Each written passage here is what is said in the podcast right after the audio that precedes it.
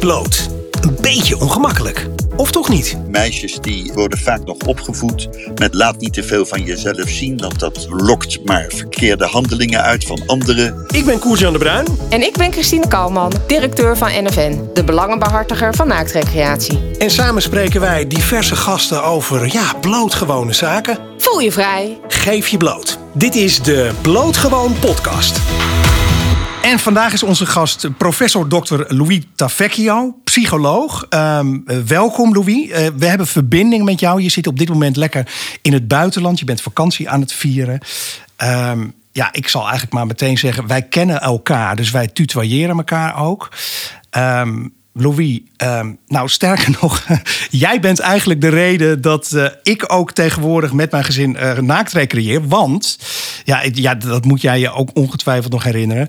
Ik ben ooit met jullie, toen ik 14 was en 15 was, meegegaan op vakantie. Omdat uh, ja, mijn allerbeste vriend destijds jullie zoon is. Dus ja, wij, kunnen, wij kennen elkaar in, in, in die vorm. Een behoorlijke tijd ook al dan. Ja, dat is zeker een behoorlijke tijd. En we hebben nog steeds contact.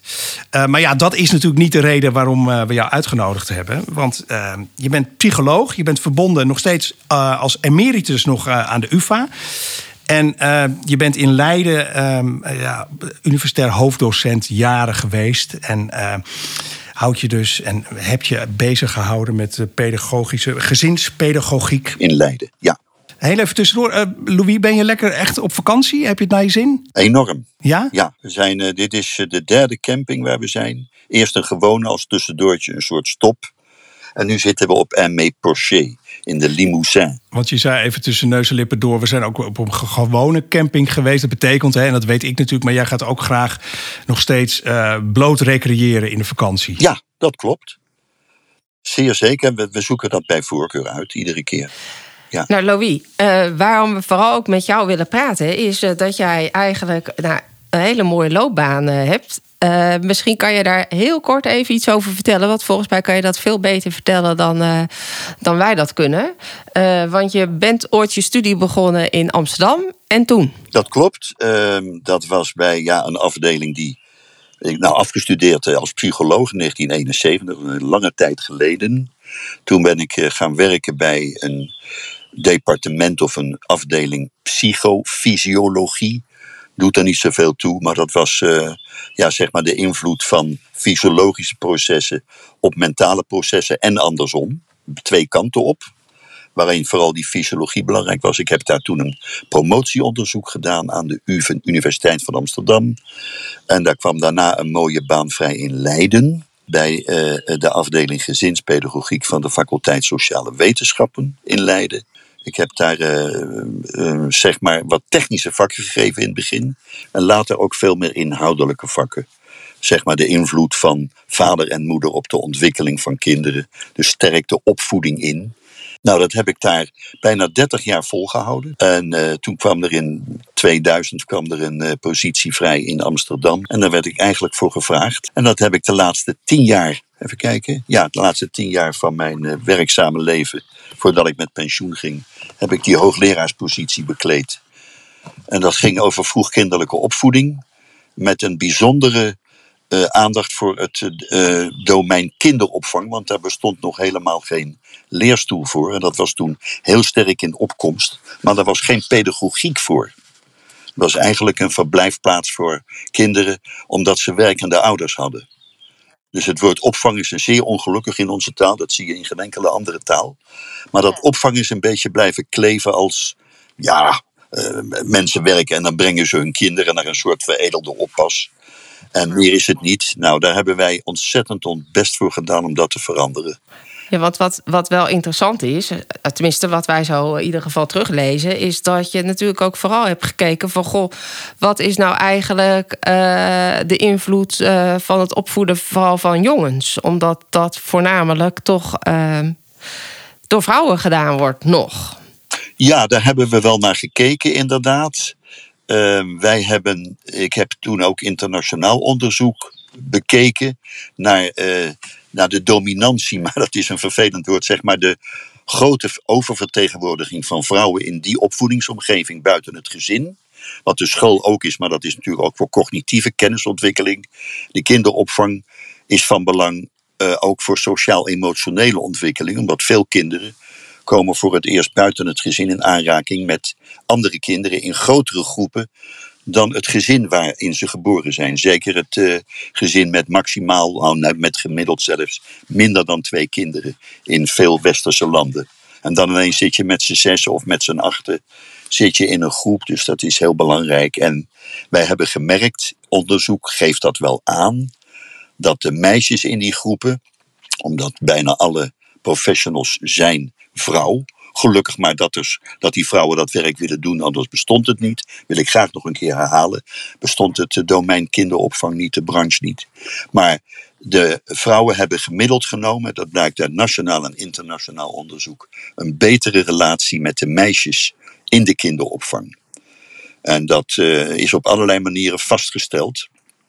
En ze hebben een wat kritischer houding, als ik het zo mag zeggen, ten opzichte van jongensgedrag. Dat noemen ze eerder agressief.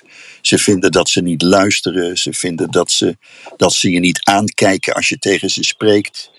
Op hun prioriteitslijstje staat niet zo duidelijk als bij veel meisjes. En dat is een hele slimme strategie, misschien ook wel genetisch bepaald, om aardig en leuk gevonden te worden. Dat vinden ze niet primair in hun reden van bestaan of hun activiteiten, hun gedrag nummer één staan. Dus ze doen soms eigenwijze dingen, eh, grensverkennend, soms grensoverschrijdend. En uh, nogal wat vrouwen, niet de meeste, maar hebben daar moeite mee. Om, en vergelijken de jongens eigenlijk met het meidengedrag. En dat zie je ook gebeuren op de basisschool.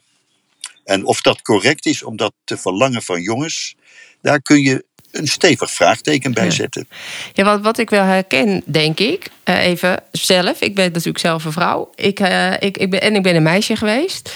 Ik denk dat meisjes toch wel heel veel sneller uh, sociaal wenselijk gedrag laten zien. Die gaan gewoon hun, heel netjes hun, hun klusje zitten doen, hun tekeningetje zitten maken. Laten zien, laten zien, brengen. Wat vindt u ervan, ja. juf? Of... Waar zit hem dat eigenlijk in, Louis? Kun je, kun je dat verklaren? Is dat ook enigszins genetisch? Of is dat echt nou, in, sociaal? In alle culturen, niet alleen westerse, zijn, zijn vrouwen en meisjes, maar meisjes vanaf het begin al. Dat is op allerlei manieren vanaf heel jong, peuterleeftijd en daarvoor.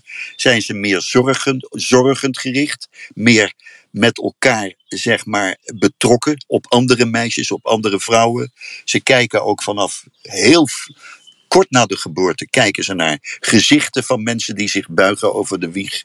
Terwijl jongens bijvoorbeeld kijken naar objecten die achter dat gezicht ook te zien zijn of die bewegen. Dat is wel heel vroeg geconstateerd.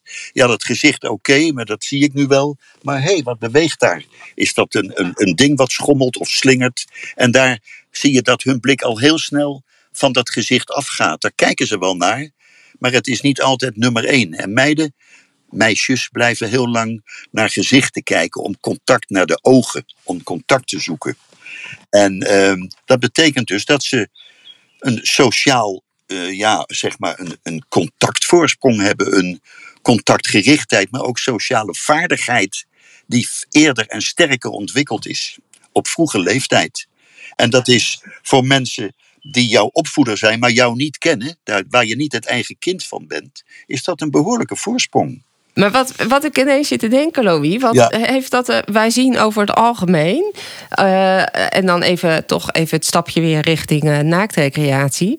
De mannen eerder een stap maken om naakt te recreëren dan vrouwen.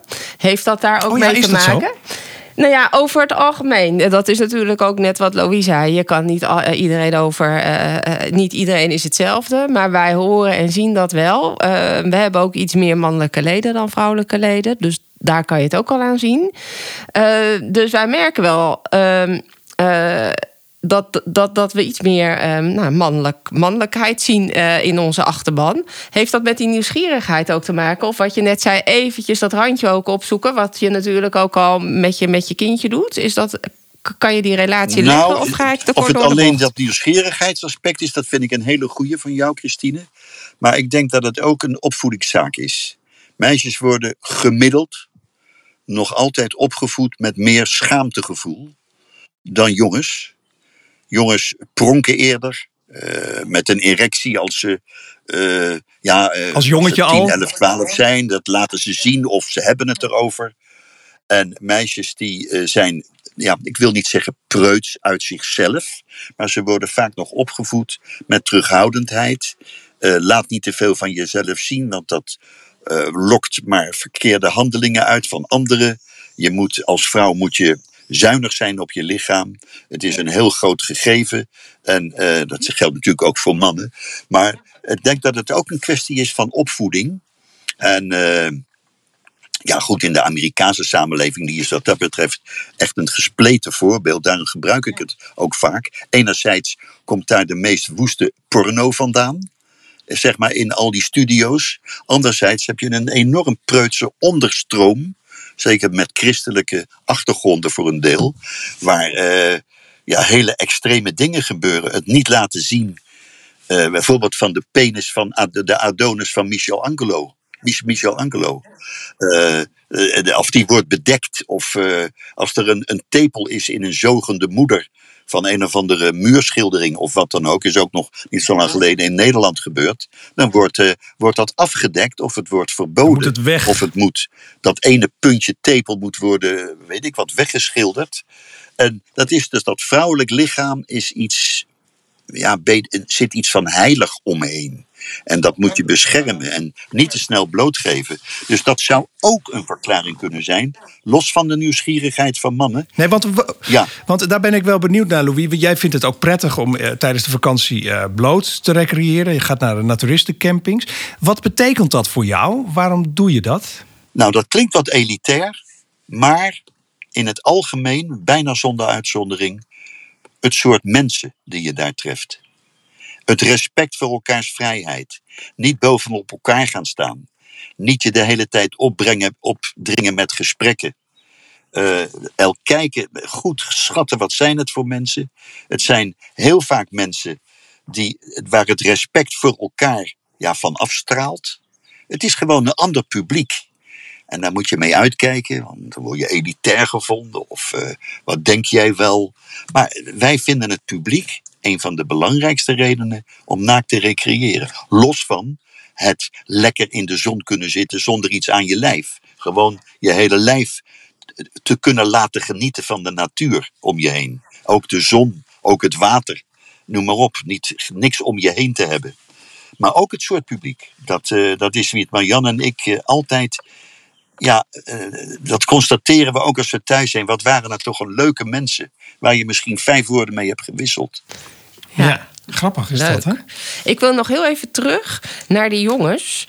Uh, want wat ons opvalt, in ieder geval binnen NFN, is dat wij zien dat uh, intussen daar ook wel iets gaande is, denken wij. En dat is dat we steeds vaker zien dat jonge mannen zich ontzettend veel in de sportschool uh, begeven. Dat is echt iets van de laatste paar jaar. Dat uh, je eigenlijk bijna ieder, van iedereen wel hoort. Van uh, we zitten zo vijf, zes keer in de week in de sportschool. Um, nou, we hadden het net over, over het vrouwenlichaam. Misschien iets geseksualiseerd. Het moet er allemaal goed uitzien. Daar zijn we mee opgevoed.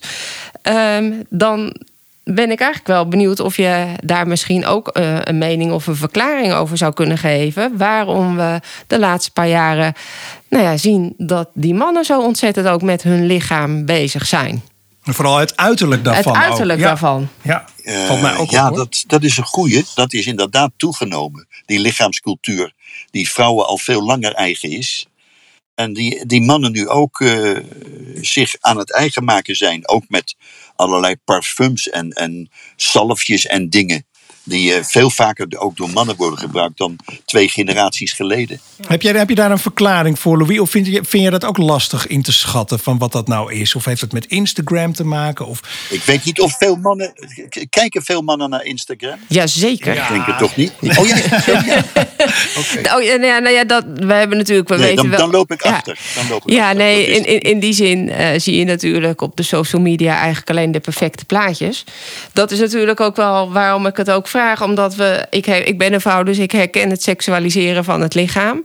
Uh, ja. Daar heb je als vrouw af en toe ook echt wel. Uh, dat is niet altijd even fijn, laat ik het uh, netjes zeggen. Nee, heel duidelijk. en dan zie ik als vrouw eh, gebeuren dat al die jonge mannen allemaal in die sportschool eh, zitten. Ik weet niet waarom ze het doen. De, of het mooi is of niet, daar kan je natuurlijk over discussiëren. Ehm, maar het valt zo op dat zij ook ineens zo ontzettend met dat uiterlijk eh, bezig zijn. Terwijl Ja. toen ik.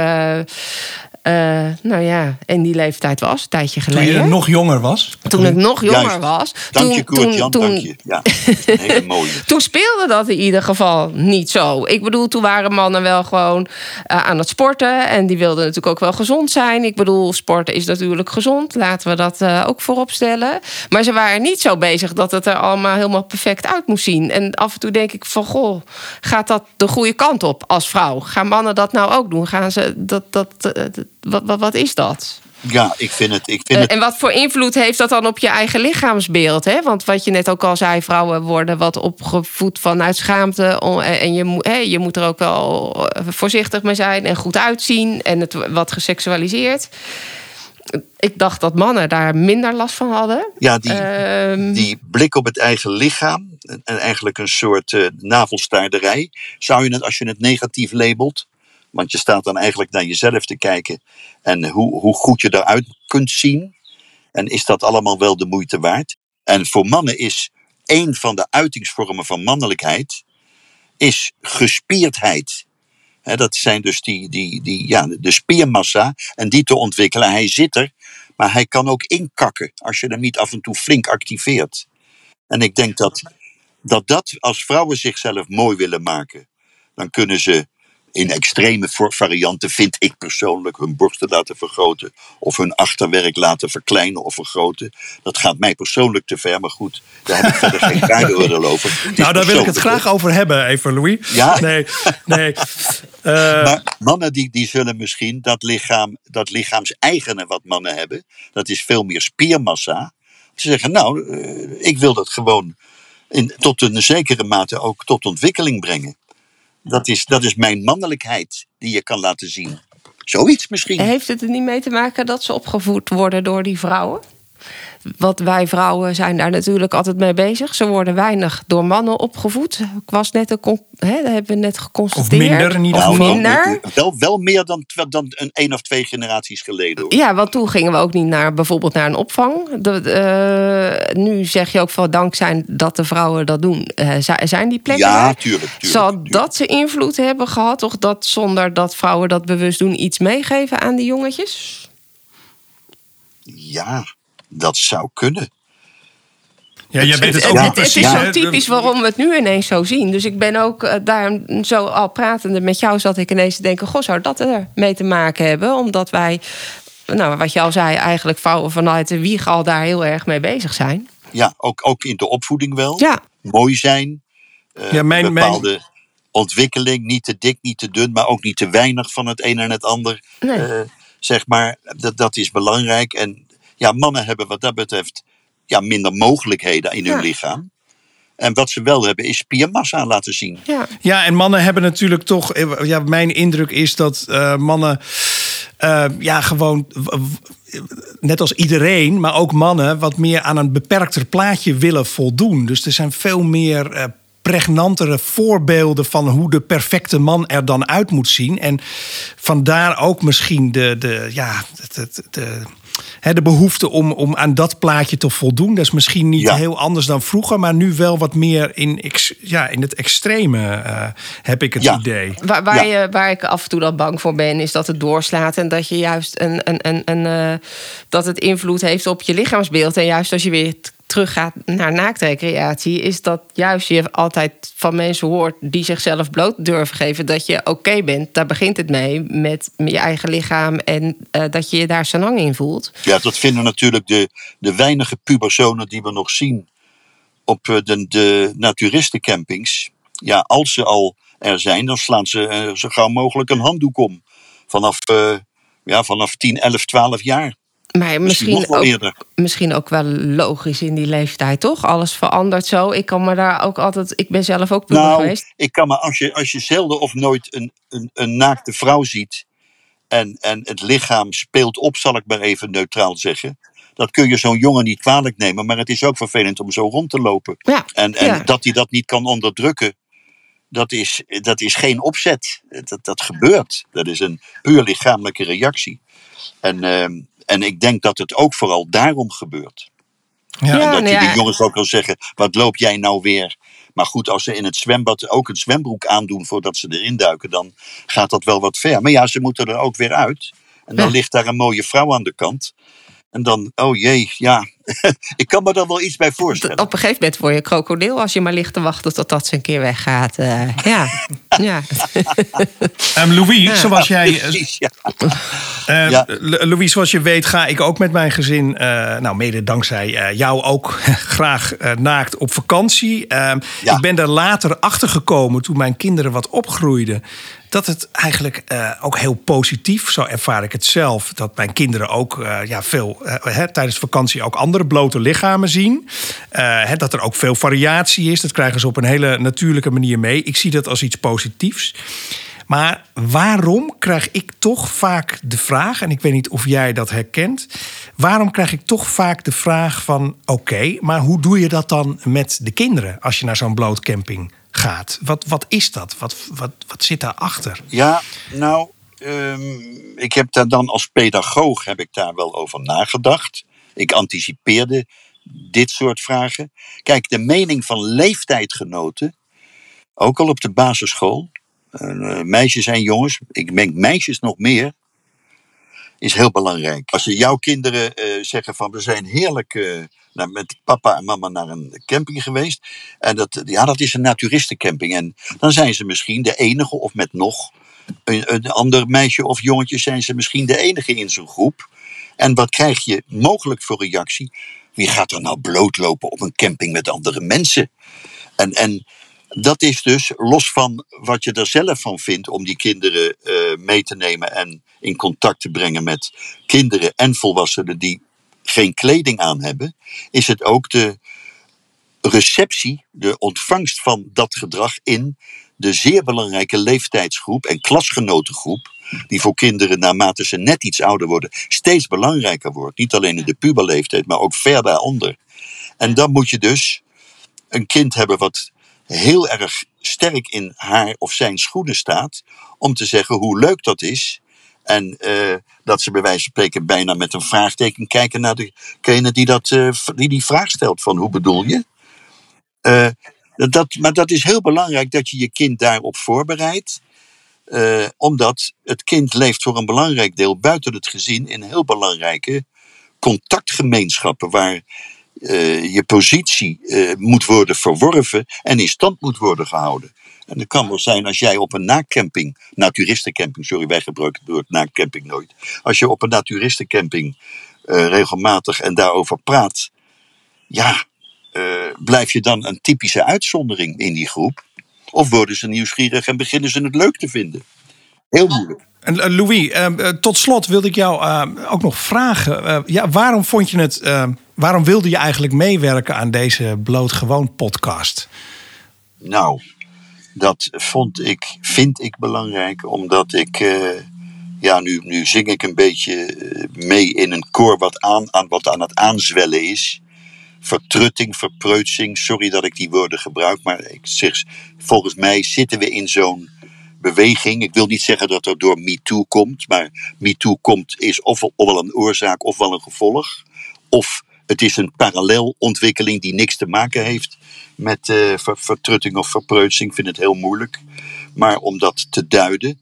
Maar ik zie wel dat uh, er een, een toenemend schaamtegevoel is om het eigen lichaam te laten zien, ook uit angst dat dat verkeerde signalen uitzendt naar anderen. Van, oh, jij loopt met een korte rok, dus wil je blijkbaar iets. Want anders zou je niet zo'n korte rok aandoen.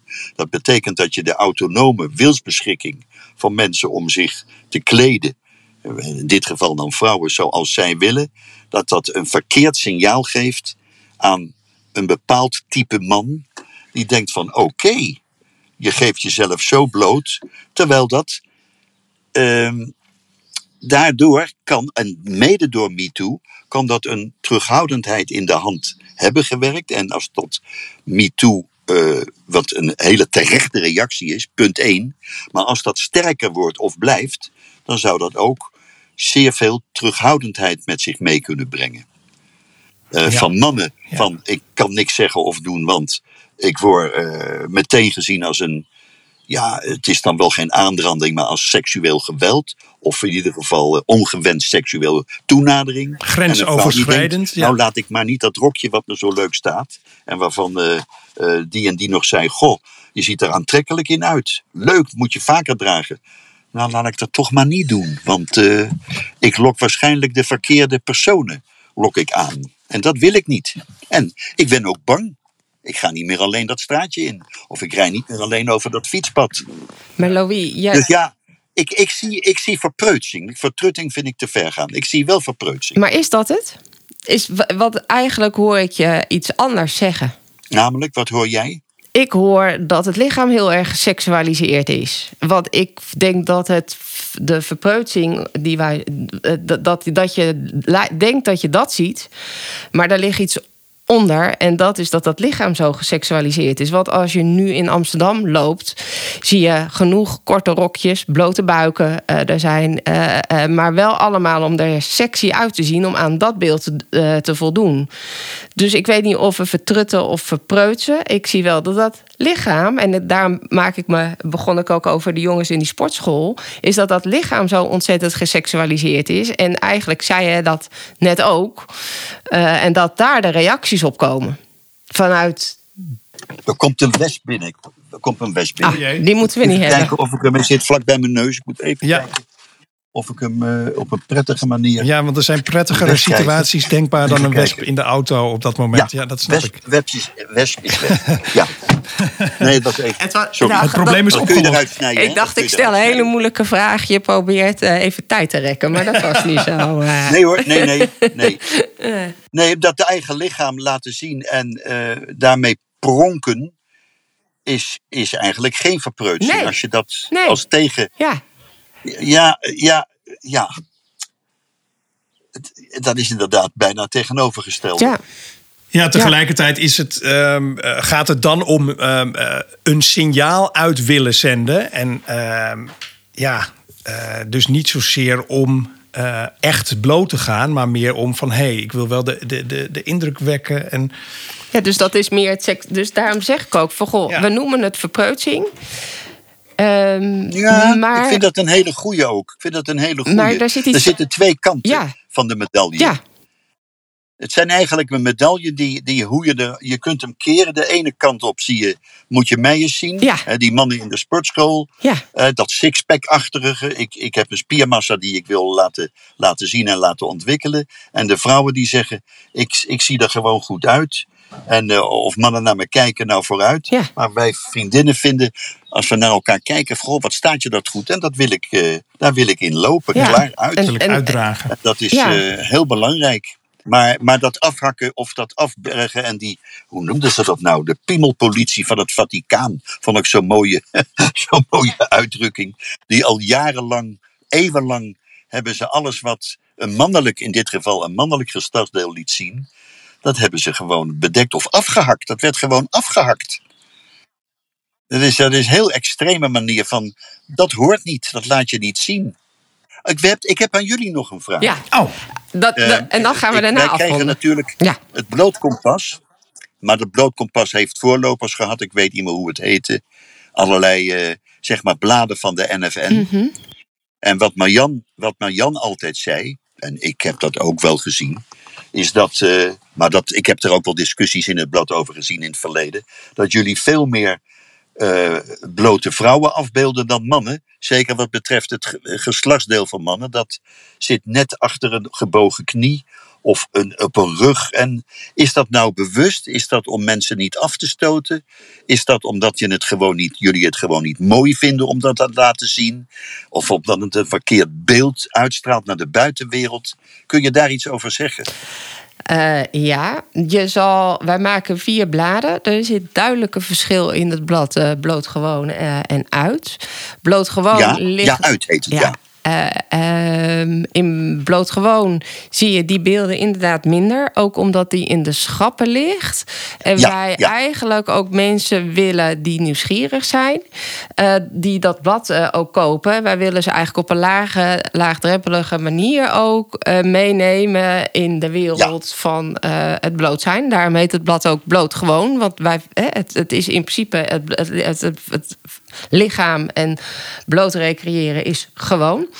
Uh, dus daar kijken we wel bewust naar dat we inderdaad wel ook daar mensen mee kunnen nemen in. Uh, in de reis. Ja. Uh, daarnaast geven ook mensen vanuit onze achterban ook wel af en toe aan van goh, we hoeven het niet allemaal zo frontaal te zien. Dat zien we wel als we lekker op vakantie zijn. Uh, want um, geef ons meer de sfeerbeelden en de impressies. En we bedenken het er zelf wel bij. Ja, ja. Uh, dus ja, we proberen uh, op die manier. Want we hebben natuurlijk 36.000 lezers op dat blad.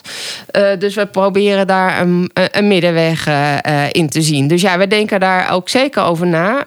Um, en um, wij vinden zelf ook af en toe dat we te weinig piemels laten zien, om het maar even zo te noemen. Heeft er ook wel mee te maken, zeker als je naar data banken kijkt, is dat die ook weinig getoond worden nog, eh, de piemels. Dus wij zijn af en toe ook wel echt op zoek naar piemels. Om het maar even zo te zeggen.